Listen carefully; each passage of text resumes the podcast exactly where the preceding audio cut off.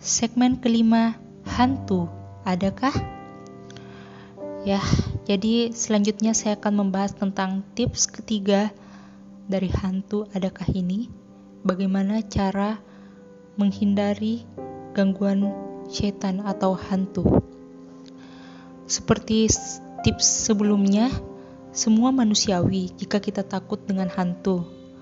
Tapi kita harus menggunakan rumus yang bagus untuk menaklukkan hantu itu, yaitu rumus takut kepada Allah jauh lebih besar daripada rumus takut kepada syaitan.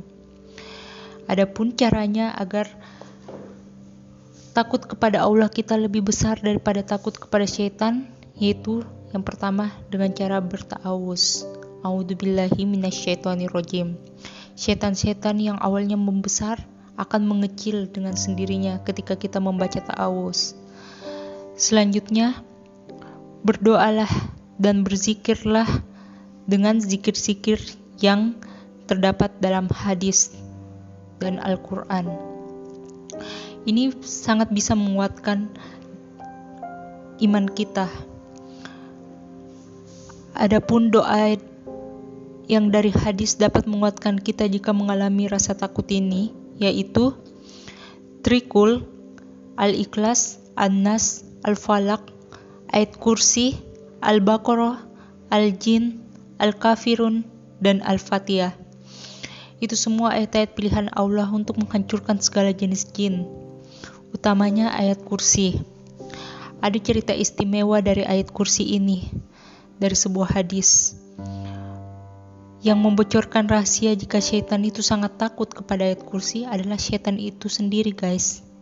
Jadi ceritanya seperti ini. Ada sahabat yang sedang mendapatkan seseorang mencuri di rumahnya.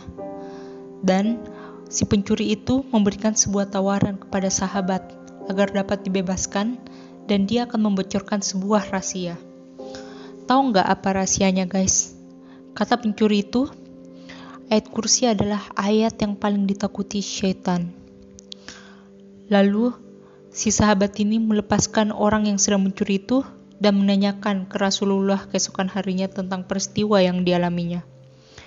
Kata Rasulullah Sallallahu Alaihi Wasallam menanggapi hal tersebut, pencuri itu berkata jujur dan benar, dan dia adalah syaitan.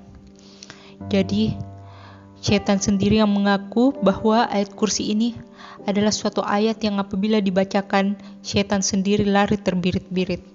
Betapa dahsyatnya ayat kursi ini, guys. Selamat mencoba.